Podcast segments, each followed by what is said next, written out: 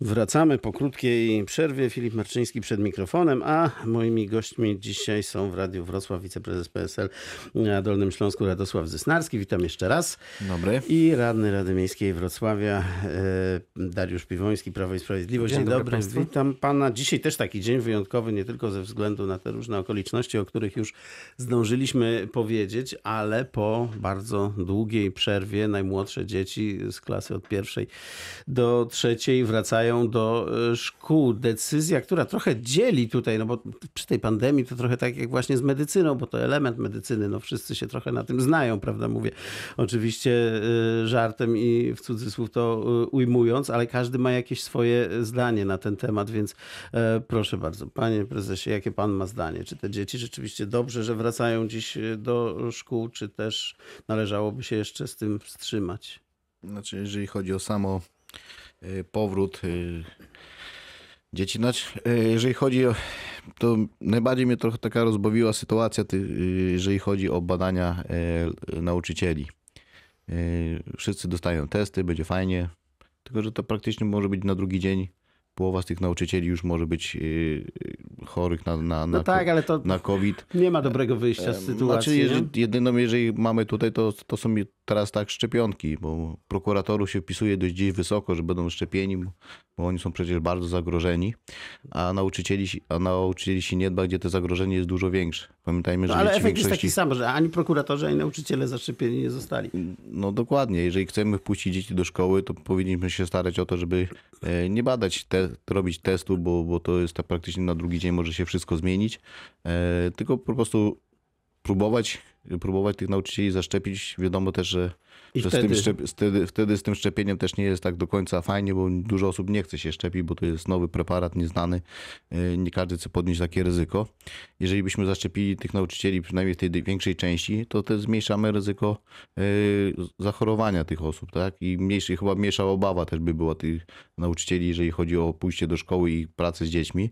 E, Dzieci w większości przechodzą to bezobjawowo i i teraz może być tak, że wrócą, e, wrócą do domów, zarażą mamę, tatę, e, nie daj Boże jeszcze jak babci czy dziadka, którzy mogą to bardzo trudno e, przechodzić.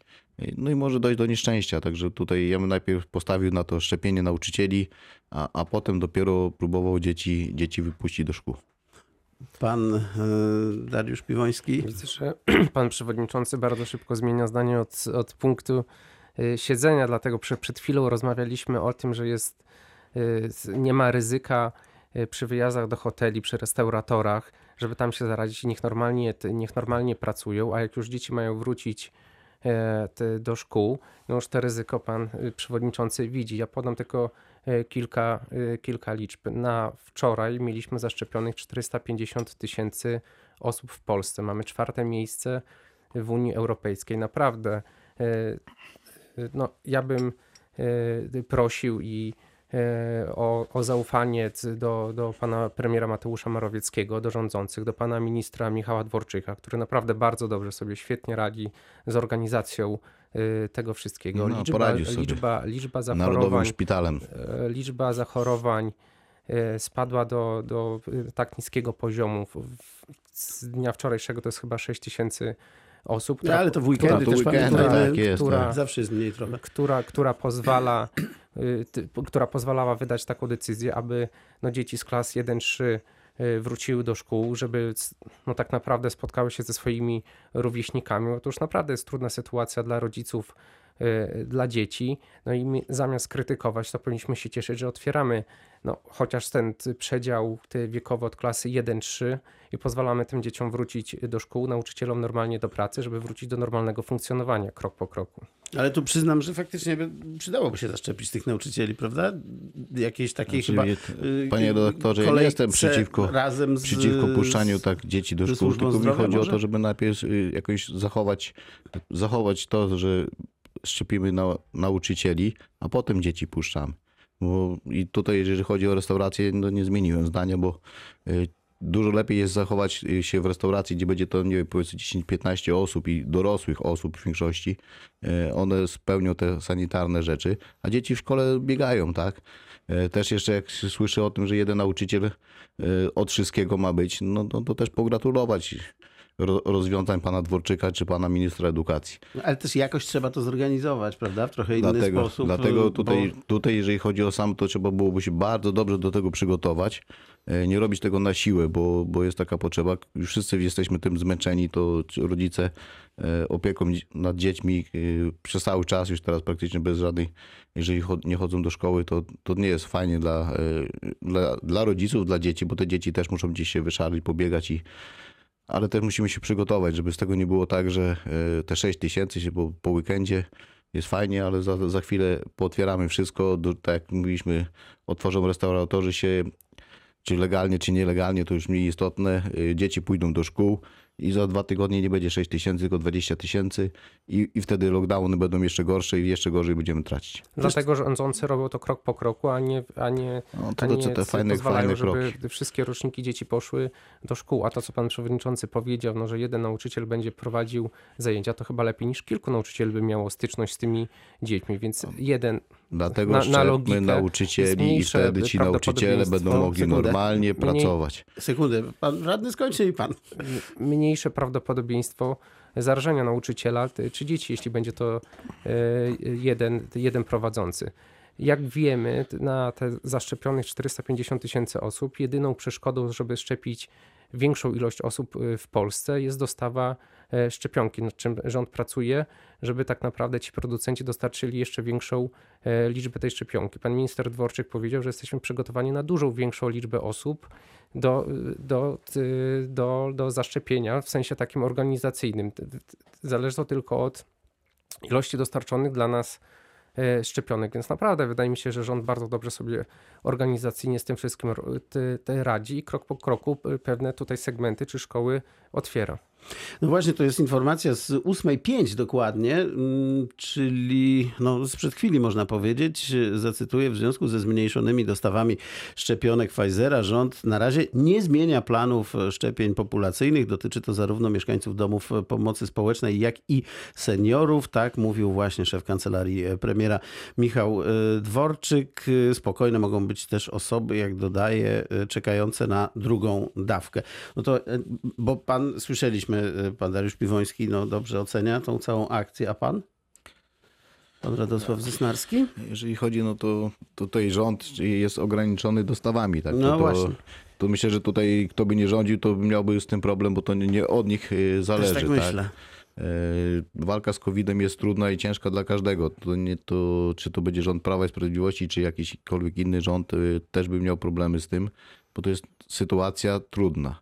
Ale tutaj ja tu nie mam jakiegoś takiego większego zaufania do pana Dworczyka, do pana premiera Mateusza Morawieckiego, e, bo myślę, że trochę żeśmy stracili czasu dużo wcześniej do przygotowania się do walki. Nie mówię o samej szczepionki, bo szczepionka była wynaleziona nie przez naszych rządzących, tylko przez inne firmy farmaceutyczne, e, gdzie zajmowaliśmy się jakimiś rzeczami wewnątrz Prawa i Sprawiedliwości, mi- między kłótniami między panem Ziobrą, e, panem Gowinem, panem Kaczyńskim. Wtedy ten czas był całkowicie zmarnowany. Wtedy nikt nie myślał o pandemii w Polsce, nie myślał o innych rzeczach, zabezpieczeniach. Robiliśmy szpitale narodowe, gdzie jest tam, no nie wiem, 100 parę osób, kosztuje to grube miliony i ten szpital jest tylko po to, żeby pokazywać. Były szpitale, gdzie widzieliśmy w telewizji, że respiratory, wszystko fajnie stało, telewizja wyjeżdżała, to się wszystko zabierało. E, To, to, to nie jest czas na propagandę, to jest czas na ratowanie ludzi i na tym powinniśmy się skupić, a rządzący tylko skupiają się na konferencjach prasowych i mówią nam wszystkim, jak jest cudownie i wspaniale, E, a, po, a pogrzebów już związanych z pandemią i nie tylko z pandemią jest dwa razy więcej e, niż do tej pory w porównaniu z rok do roku. To może na tym trzeba byłoby się zastanowić. Panie Pan radny? przewodniczący posiłkuje się jakimiś prywatnymi, subiektywnymi opiniami, a ja się posiłkuję e, suchymi danymi i faktami. Sytuacja została opanowana. Należy spojrzeć względem Tak, wirus, nawet innych państwa, krajów Unii Sekundę, Europejskiej. teraz pan radny Piwoński, bardzo proszę.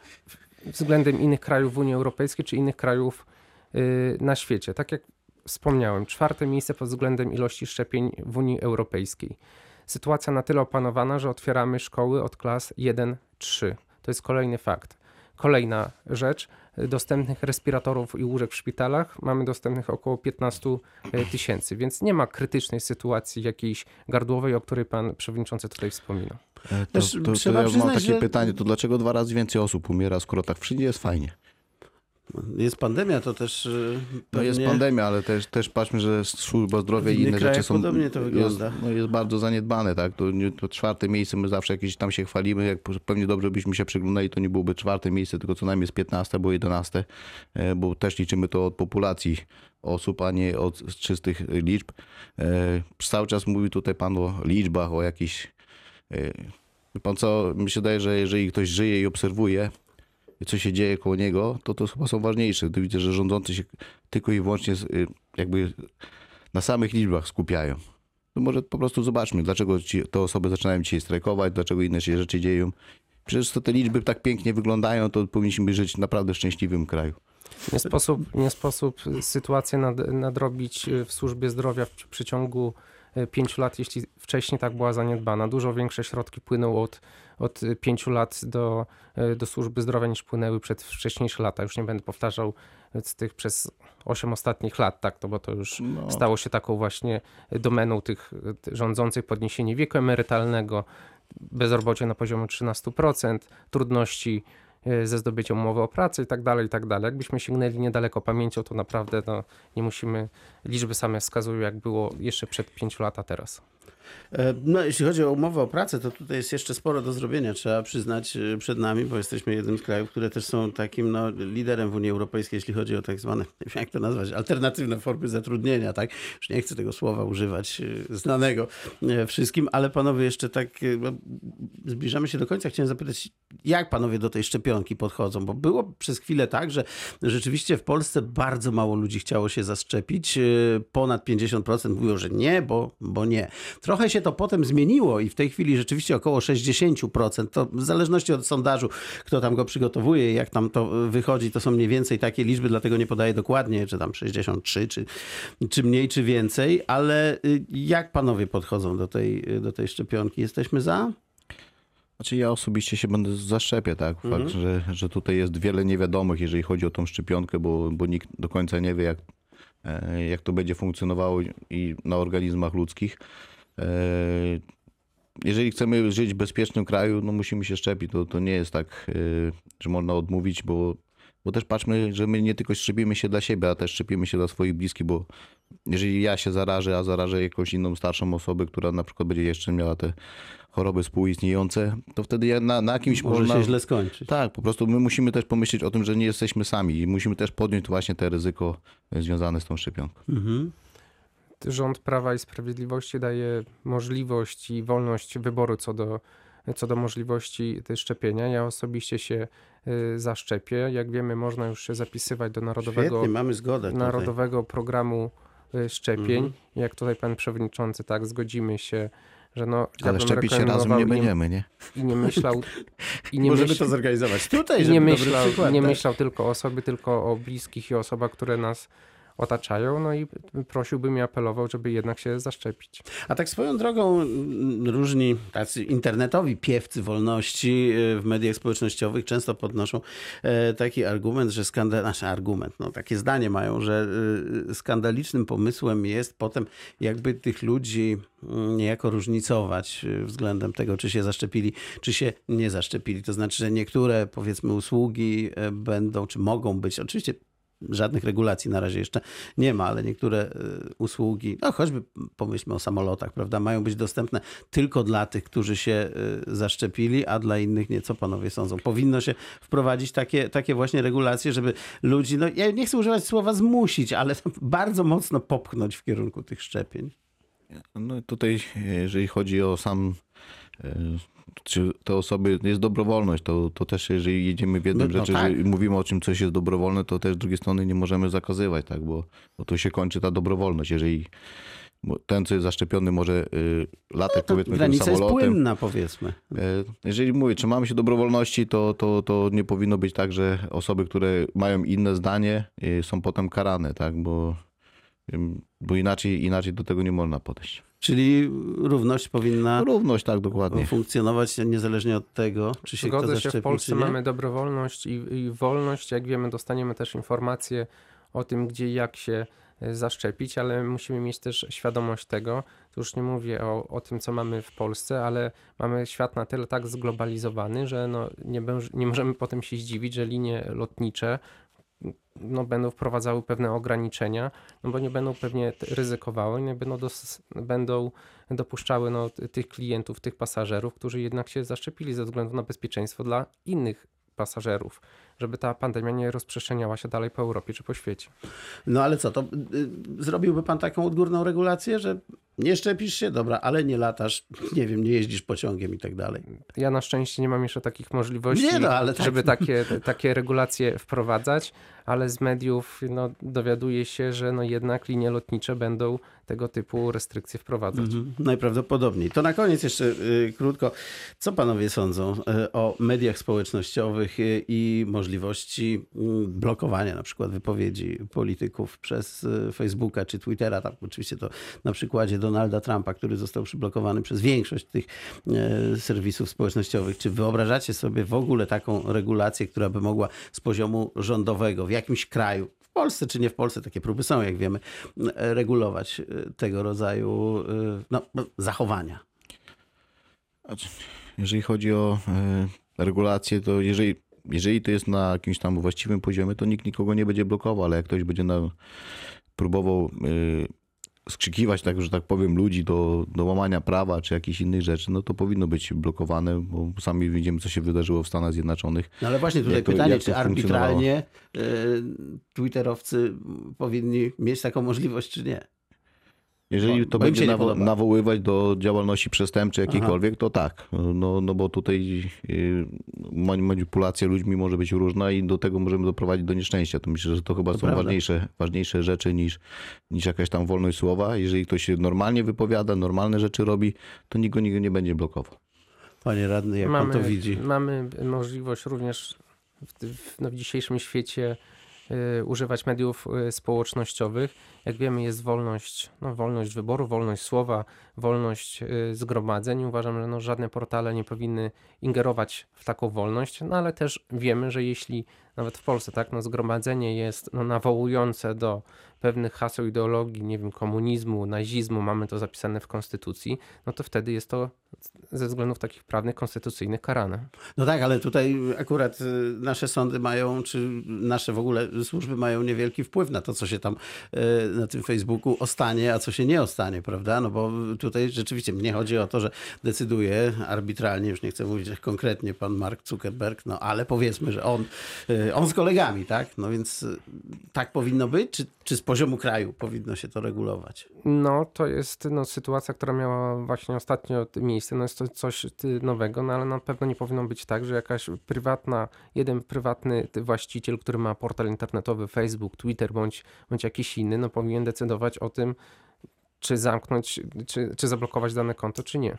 No właśnie, Ale no, u nas gdzieś tam była ba- akcja taka, że do 14-latka przyszli pan- panowie policjanci, e, bo nawoływał do strajku kobiet. No to, to chyba nie musimy tutaj się blokować. Wystarczy, że sobie ktoś przeczyta i, i wpływ na e, wolność tych osób ma nasza policja, która 14-latka straszy jakimiś większymi konsekwencjami, bo przeczytała, że on na Facebooku, że on nawołuje do, do strajku kobiet. To, właśnie ta, to jest to wolność w wykonaniu Rzeczpospolitej Polskiej. a zdaje się, że ten komendant odwołany został, tak mi się wydaje. No chyba nic prawda? dziwnego. nie?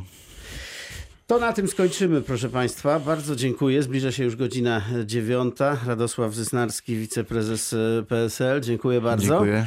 I e, radny Rady Miejskiej Wrocławia z Prawa i Sprawiedliwości Dariusz Piwoński. Bardzo Panu dziękuję, Dziękuję również. bardzo. Filip Marczyński, do usłyszenia.